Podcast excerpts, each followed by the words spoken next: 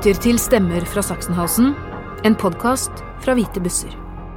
Nå skal du bli kjent med Wanda Heger, en helt spesiell dame.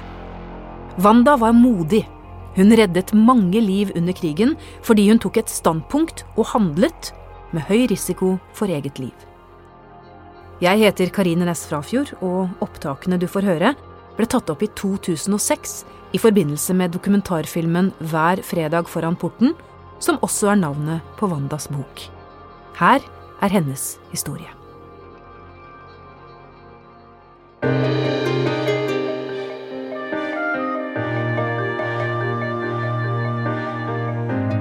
Selvfølgelig var det farlig, fordi konsekvensen av det jeg gjorde, ville jo ikke bare ramme meg selv. Men heldigvis så skjønte jeg jo ikke da hvor naiv jeg egentlig var.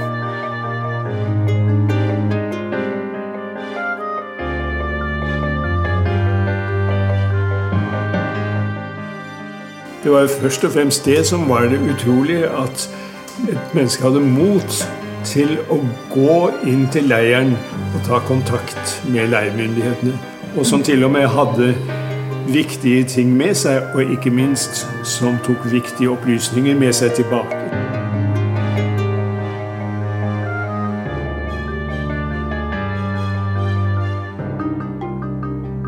Wanda Hjort var 21 år gammel da hun ble tvangssendt til Tyskland som gissel for sin far under andre verdenskrig. Med fare for sitt eget liv oppsøkte hun konsentrasjonsleire.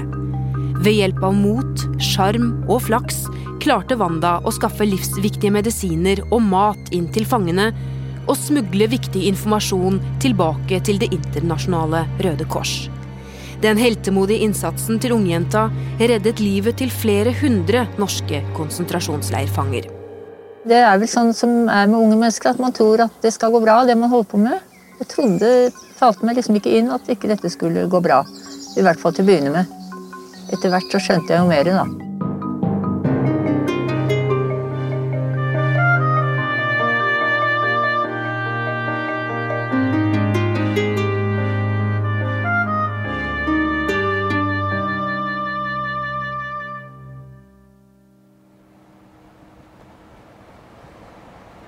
Wandas far, Johan Bernhard Hjort, ble arrestert av nazistene og sendt til Tyskland.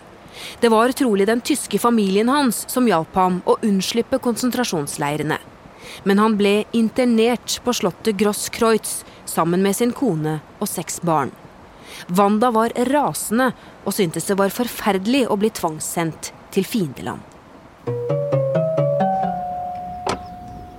Jeg husker jo den eh, høstkvelden i oktober da vi kom hit i 1942. Jeg følte jo på en måte at dette var slutten på ungdomslivet mitt, og at det var bare helt meningsløst å være her. Hva skulle vi her gjøre? Det var jo ingenting som vedkom oss på en måte. Wanda gjorde alt hun kunne for å få reise tilbake til Norge. Hun allierte seg med en venn i Oslo og skrev brev til SS om at hun ikke kunne bli værende i Tyskland fordi hun skulle gifte seg med ham. Hun fikk svar fra uventet hold. Riksføreren selv, Heinrich Himmler, engasjerte seg i saken. Høyt ærede frøken Hjort. Jeg har mottatt deres brev av 3.11.1942. Jeg kan meget godt forstå deres forespørsel. De meddeler meg åpent ønske om å kunne få vende tilbake til Norge. Like så åpent stiller jeg spørsmålet hvordan ville de forholde dem politisk i Norge? Heinrich Himmler. Da forsto Wanda at hun måtte innfinne seg med tilværelsen i Tyskland. Hun kunne ikke risikere at vennene hjemme kom i vanskeligheter og ble etterforsket. Men eh, så ble det jo etter hvert ikke slutten på den gode tiden i livet mitt, men det ble jo egentlig begynnelsen på en veldig meningsfylt og, og fin tid. Som fikk eh, betydning for hele resten av mitt liv.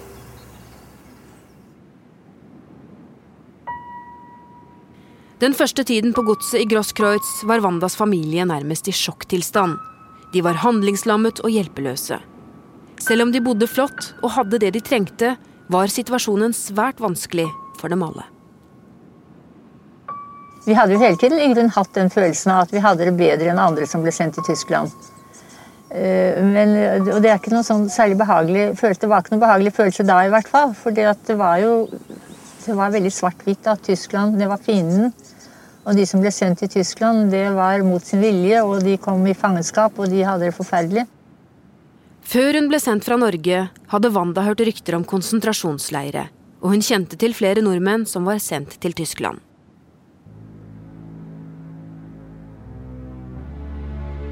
Wanda bestemte seg for å oppsøke de norske konsentrasjonsleirfangene for å hjelpe dem. Familien Hjort levde nokså fritt på den tyske landsbygda, og de hadde nok mat, spesielt poteter. I november 1942 fylte Wanda en ryggsekk full av norgesglass med potetsalat. Sammen med broren Helge på 15 år reiste hun for å finne de norske fangene.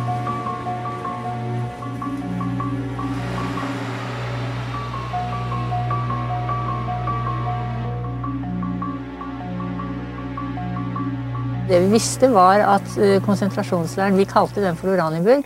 At den var her i nærheten. Ellers visste vi ingenting, bortsett fra at det var norske der. Og da vi kom hit, så visste vi jo selvfølgelig ikke hvor vi skulle gå. Så vi spurte da folk på perrongen her. Ingen visste noe. Men inne i en butikk var det en dame som sa at det var antagelig i nærheten av Sachsenhausen. Og da pekte hun hvor det var. Men da mente ikke hun leiren, hun mente en liten landsby som var i nærheten der. Etter en rask spasertur skjønte Wanda at de var kommet til rett sted. Det var altså en mur med piggtråd, så var det vakttårn med nokså ikke så store mellomrom mellom. Og i dette vakttårnet sto det da en SS-mann med et uh, gevær som pekte ut. da.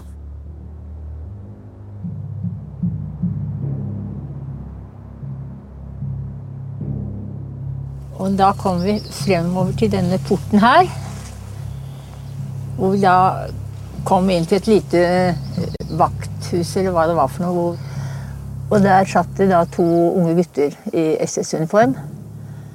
De spurte hva vi skulle, og vi spurte om vi kunne få lov å levere noen matpakker til eh, norske heftlinger, norske fanger, altså.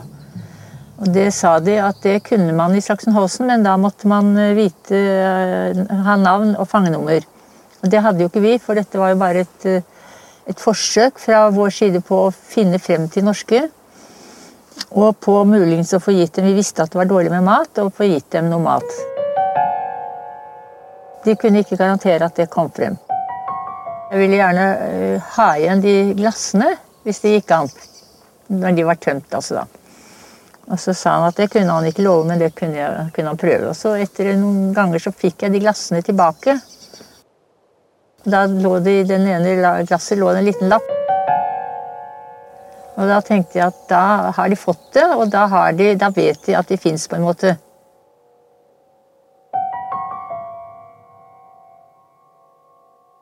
I dag står konsentrasjonsleiren Sachsenhausen som et minnesmerke over de grusomhetene som fant sted innenfor murene. De fleste bygningene er revet, trær og gress har vokst fram der det tidligere var brakker, piggtrådgjerder og gjørmete veier. Wanda glemmer aldri det første synet av de utsultede fangene som ble drevet fram av bevæpnede vakter. Hun deler gjerne historien med norske skoleungdommer som forsøker å forstå forholdene i leiren. Man liksom forestiller hvordan dette var. Det var vinter og kaldt, og her er det veldig flatt. Var ingen trær var her, det var helt åpent. Og vinden kom liksom hele veien med sånn snøfokk og, og sørpete snø. De kom da vassende i denne forferdelige eh, været her med bare tresko eller sånne fotkluter og alle disse stripete fangedraktene. Og det var vakter, og det var eh, hyl og skrik og kommandoord og schæferhunder som gjødde. Vi hadde aldri sett noe sånt. Det var, det var, helt grusomt. Mange hundre mann som kom subbende sånn fem, fem og fem i bredden. Vi gikk, eh, dro tilbake, og så bestemte vi oss til at vi skulle gå hit ut en gang i uka. Og så skulle vi prøve om det gikk an å få kontakt med fangene. Wanda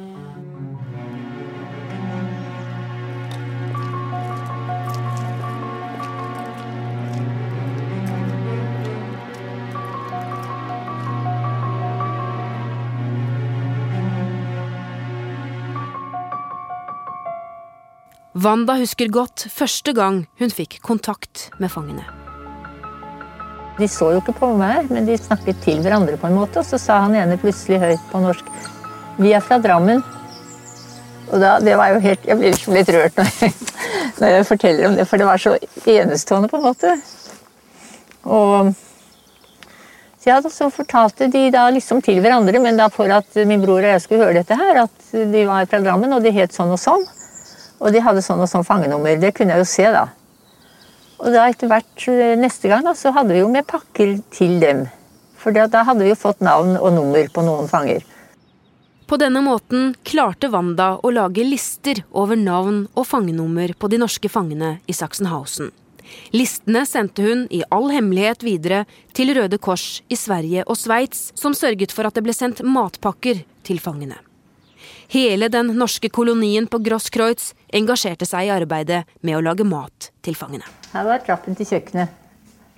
Det var et ganske stort kjøkken med en vedkomfyr, og de sto og kjevlet utover og lagde disse her potetlompene som de stekte rett på komfyrplaten. på en måte. Og da husker jeg en gang Haldis, lillesøsteren min, skulle bære opp trappen. En liten kake hun hadde laget spesielt, som skulle være med til Sachsenhausen. Den skulle til Hans Sakariassen, som hun da hadde oppfattet navnet sa Sakrisen. Og så falt hun i trappen, og hele kaka gled utover.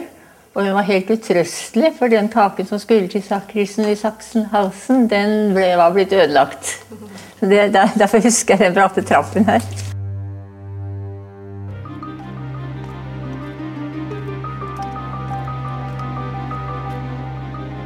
Stadig mer informasjon ble utvekslet mellom Wanda og de norske fangene i Sachsenhausen. Uten tanke for sin egen sikkerhet oppsøkte Wanda leiren hver fredag. For fangene, som også risikerte sine liv ved å smugle ut informasjon, var hennes besøk ukens høydepunkt. Når de skulle si de ukedagene, så sa de mandag, tirsdag, onsdag, torsdag, mandag, lørdag. Så det syntes jeg var veldig søtt, men det hørte jeg jo mange år etter krigen. Hei, Wanda. Hei. Deilig å se deg her. Hele. Så strålende Ja, det var at du veldig kom hit. Jeg kom jo aldri så langt som hit, da. Du gjorde ikke det, Nei, nei? jeg kom dit, akkurat rett utenfor. Ja. Inne i leiren var opptil 500 fanger stuet sammen i hver brakke. Trengselen var uutholdelig og sanitærforholdene fryktelige. Sykdommer florerte, og medisinene som Wanda skaffet, reddet mange liv.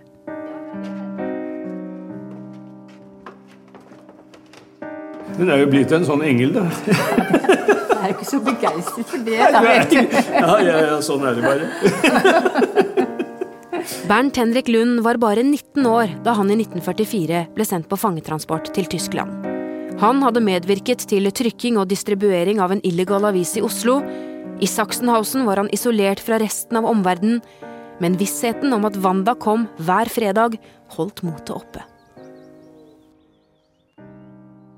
Det var jo først og fremst det som var det utrolige, at et menneske hadde mot til å gå inn til leiren og ta kontakt med leirmyndighetene.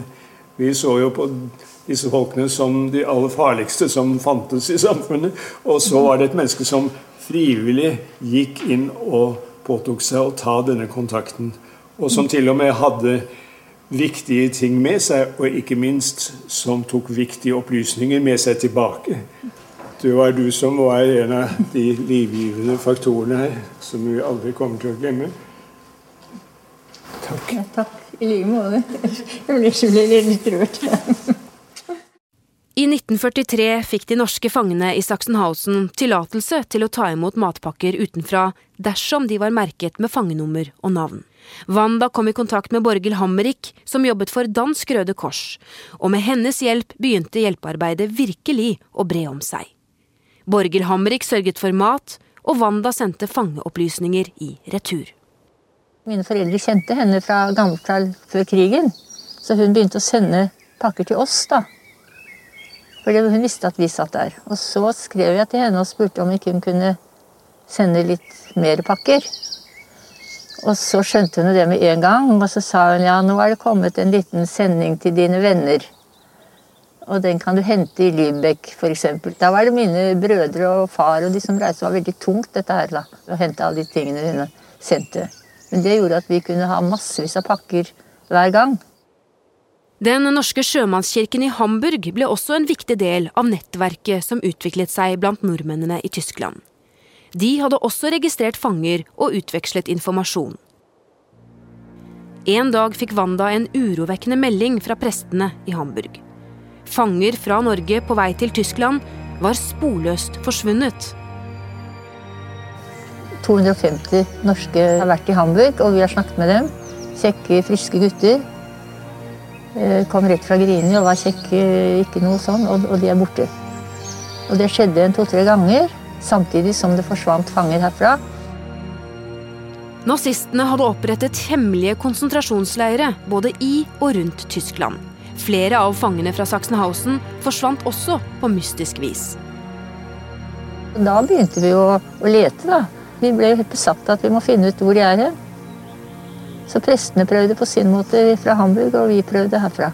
NN-leirene ble opprettet for at fangene skulle forsvinne i natt og tåke. Ingen skulle vite om deres skjebne. Fangene ble slettet i alle registre, og familiene fikk ikke vite noe om hva som skjedde med dem. Wanda forsøkte å hjelpe familier som fortvilet lette etter sine slektninger. Gjennom sine kontakter fikk hun flere forespørsler om fanger som hadde forsvunnet. Så jeg hadde liksom et bestemt navn å gå etter, og så gikk jeg da til denne Hetlingkassen og spurte eh, han Koldrup som har vært her før, sa jeg da på min vanlige naive måte. Hvor er det blitt av han? Er han ikke her lenger? Nei, han er kjent på transport, sa en av de unge guttene som satt der. Og så sa den unge gutten ordet 'nattsveiler', da. Så spurte jeg kan du skrive det opp. Og så skrev han det opp. Og så sto det Elsas. Da. Men, men, han skrev jo ellers på sånn gotisk skrift, som de gjorde her i Tyskland en gang. Jeg så det så vidt, men jeg fikk ikke helt med meg navnet, da. Og så tok jeg lappen i lommen, og så gikk jeg. Og så tenkte jeg nå skal jeg finne ut hvor dette er. Og så, før jeg var kommet til stasjonen, da, så kom jo han syklende etter meg. da. Ringte som rasende på den sykkelbilen og ropte 'Fräulein, Fräulein, vent'. Så jeg må ha igjen den lappen. Og da skjønte jeg hvor drastisk dette var, for han var helt livredd. Jeg måtte bare gi han lappen. Og da måtte jeg bare prøve å huske det der Nats som jeg hadde sett da. Men det var ikke så vanskeligere enn å gå inn på et postkontor og spørre om det var noe som het noe lignende av det i Elsas. NN-leiren Natzweiler lå i fjellene mellom Tyskland og Frankrike. Wanda hadde ikke de nødvendige papirer til å reise dit. Likevel dro hun, sammen med sin eldste bror Johan og en norsk journalist. Jeg tror nesten vi brukte toget hver dag her. Og det ble etter hvert eh, mer og mer vanskelig, fordi pga. krigen så ble det eh, vanskeligere og vanskeligere å komme med. Man måtte ha reisetillatelser. Og da kunne man hele tiden risikere at det var eh, kontroll.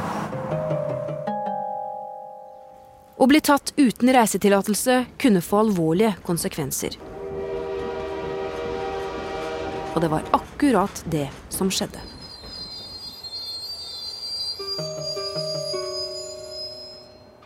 Da kom det inn da Gestapo-folk på toget og skulle ha papirer. Og så viste først han journalisten frem sitt. da. Ja, det er ikke greit. Og så, men da det kom til oss, så var det absolutt ikke greit. Og i hvert fall ikke for mitt vedkommende. Det manglet en oppholdstillatelse, for det første i passet. Og så, Det var det verste. Og så var det det at vi ikke hadde reisetillatelse.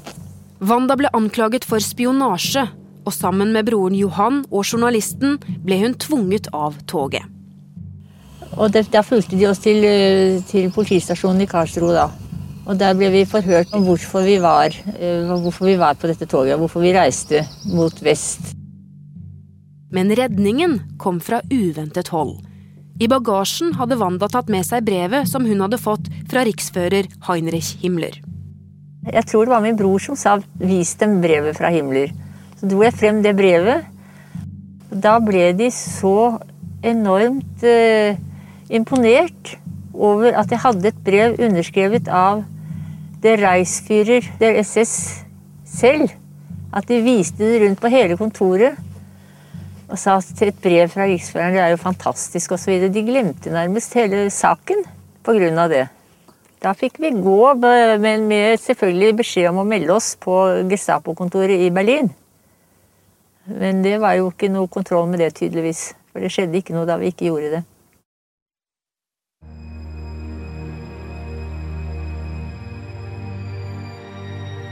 Wanda måtte gi opp forsøket med å reise til Natzweiler for denne gang. I Sachsenhausen arbeidet fangene med å utarbeide en fullstendig liste over de forsvunne NN-fangene. De forsøkte flere ganger å overbringe Natzweiler-listen til Wanda uten hell. Men en fredag Wanda hadde med seg søsteren Kirsti, kom endelig gjennombruddet. Man må jo innrømme at de var litt sånn her i Tyskland på den tiden opptatt av norsk, norske greier og dette ariske og at nordmenn var noe. Og hun var jo liksom veldig norsk å se på, snakket høyt på norsk og sånn. Så de, hun tok litt oppmerksomhet da, så, og så ville hun da endelig drikke vann. For det var en sånn tønne som sto der, hvor fangene også fikk lov å drikke vann. da. Så fikk jeg da plutselig en lapp i hånden. Og det vet jeg den dag i dag ikke hvem som har gitt meg den.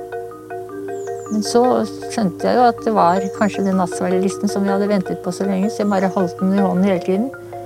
Og så sa jeg da til Kirsti, søsteren min, at vi må gå. Og så sa hun bare Jeg så det nok.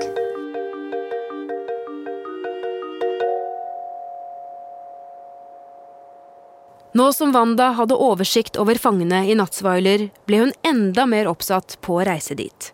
Og ved neste forsøk klarte hun det. Dette var jo på sommeren, det var varmt. og jeg sa nå har jeg gått helt her opp og kan jeg ikke få levere pakken i hvert fall, osv.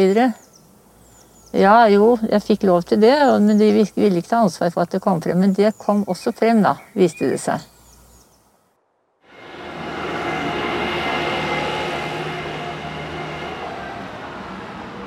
Det er helt spesielt for meg å gå her. Jeg har jo vært mange ganger i Berlin nå, men det er spesielt å gå her hver gang, syns jeg. Hele hus og butikker, ubekymrede mennesker. Jeg tenker på det kaoset som var her. Ikke et eneste helt hus å se. Bare ruiner og fortvilte mennesker som ikke visste hvor de skulle hen. Under krigen reiste Wanda ofte til fengselet i Prins Albrechtstrasse i Berlin, hvor flere nordmenn satt. I dag er restene av fengselet en del av et minnemonument. En av fangene var en norsk student som Wanda bestemte seg for å besøke. Han het Bjørn Heger. Fengselet var utbombet og fangene i svært dårlig forfatning. De har gått litt utover fengselet, den bombingen, så det, allting var på skjeve der. Og vannkraner som sto og rant, og andre hvor det ikke kom vann ut av springen i det hele tatt. Og så videre, sånne ting. All kommunikasjon mellom Wanda og Bjørn måtte foregå på tysk, med en vakt til stede. Wanda hadde med en matpakke til Bjørn, men han var avvisende overfor henne som hadde pyntet seg med silkestrømper og fine klær. Han trodde hun var nazist. Da jeg endelig hadde forstått hvordan han tenkte, så prøvde jeg å si det er ikke sånn som du tror. Og da grep han inn, han tyske fangevokteren med en gang og sa 'Deutschsprechen', altså snakk tysk. Og så fikk jeg ikke sagt så mye mer, men akkurat da jeg skulle gå, så spurte jeg eh, vil du at jeg skal komme igjen. Og da sa han bare ja, det kan du jo godt. Men han ville selvfølgelig gjerne ha den matpakken. Så det var liksom begynnelsen på vår romanse, da. Og romansen utviklet seg etter at Bjørn slapp ut av fengselet. Flere nordmenn flyttet inn i Grosskreutz, og etter hvert sluttet også Bjørn seg til den norske hjelpeorganisasjonen.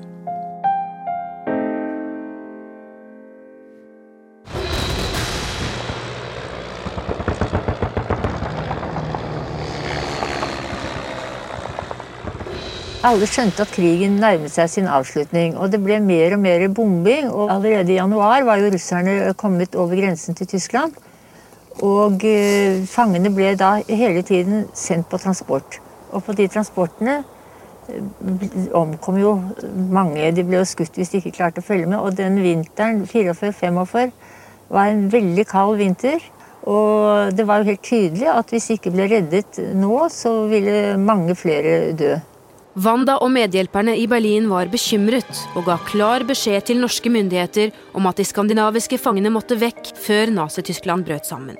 Men den norske regjeringen i London mente at de ikke kunne særbehandle skandinavene, og ville ikke evakuere fangene. Ordren var å bli værende til de allierte fikk kontroll over situasjonen. Da tenkte vi at de har ikke forstått noen ting. De skjønner ikke at fangene blir sendt ut på transport, og at ikke de kan si at her vil vi vente osv. I nøytrale Sverige arbeidet visepresidenten i det svenske Røde Kors, grev Folke Bernadotte, og den norske ministeren Nils Christian Ditleff med å evakuere de skandinaviske fangene i en storstilt redningsaksjon. Sentralt var navnelistene over de norske fangene som Wanda hadde samlet. Endelig øynet den norske gruppen i Tyskland et håp om å få reddet de skandinaviske fangene før det var for sent. Ditlev var jo vår mann, på en måte. Så, og det at han uh, fikk fikk da tillatelse til å prøve gjennom at Sverige skulle eh, gjennomføre den aksjonen, det gjorde jo at uh, vi fikk et veldig, veldig mye nytt håp. I mars 1945 rullet hundrevis av hvitmalte kjøretøyer inn i Tyskland. Heinrich Himmler hadde godkjent Operasjon De hvite bussene og alle skandinaviske fanger skulle hentes ut. Natten før bussene skulle komme, ble Oranienburg bombet, og byen var et eneste kaos. Og da, da tenkte jeg at det kan ikke gå bra. Vi kommer ikke inn i dette bombeangrepet som er nå. Men så ble jo det som, som stor opplevelse i det hele tatt å få være sammen med de hvite bussene. At de greide jo alt mulig gjennom bombeangrep og, og, sånn hele tiden. Så det var bare en, en fantastisk lettelse da til å begynne med at dette gikk bra. Vi syns vi hadde samarbeidet om og fått være med på en veldig flott hjelpeorganisasjon, da. På utbombede veier med flyktningestrømmer i alle retninger fraktet de hvite bussene fanger fra flere leire ut av kriseområdet og hjem. Etter kapitulasjonen ble Wanda igjen i Tyskland sammen med Bjørn. Der jobbet de videre med å hjelpe de nordmennene som ikke ble hentet hjem av de hvite bussene. For Sachsenhausen-fangene står en modig ung jente som en bauta blant krigens helter. På tross av at hun var fange i Tyskland, utnyttet hun likevel sin begrensede frihet til å gjøre en innsats der ingen andre turte å gripe inn.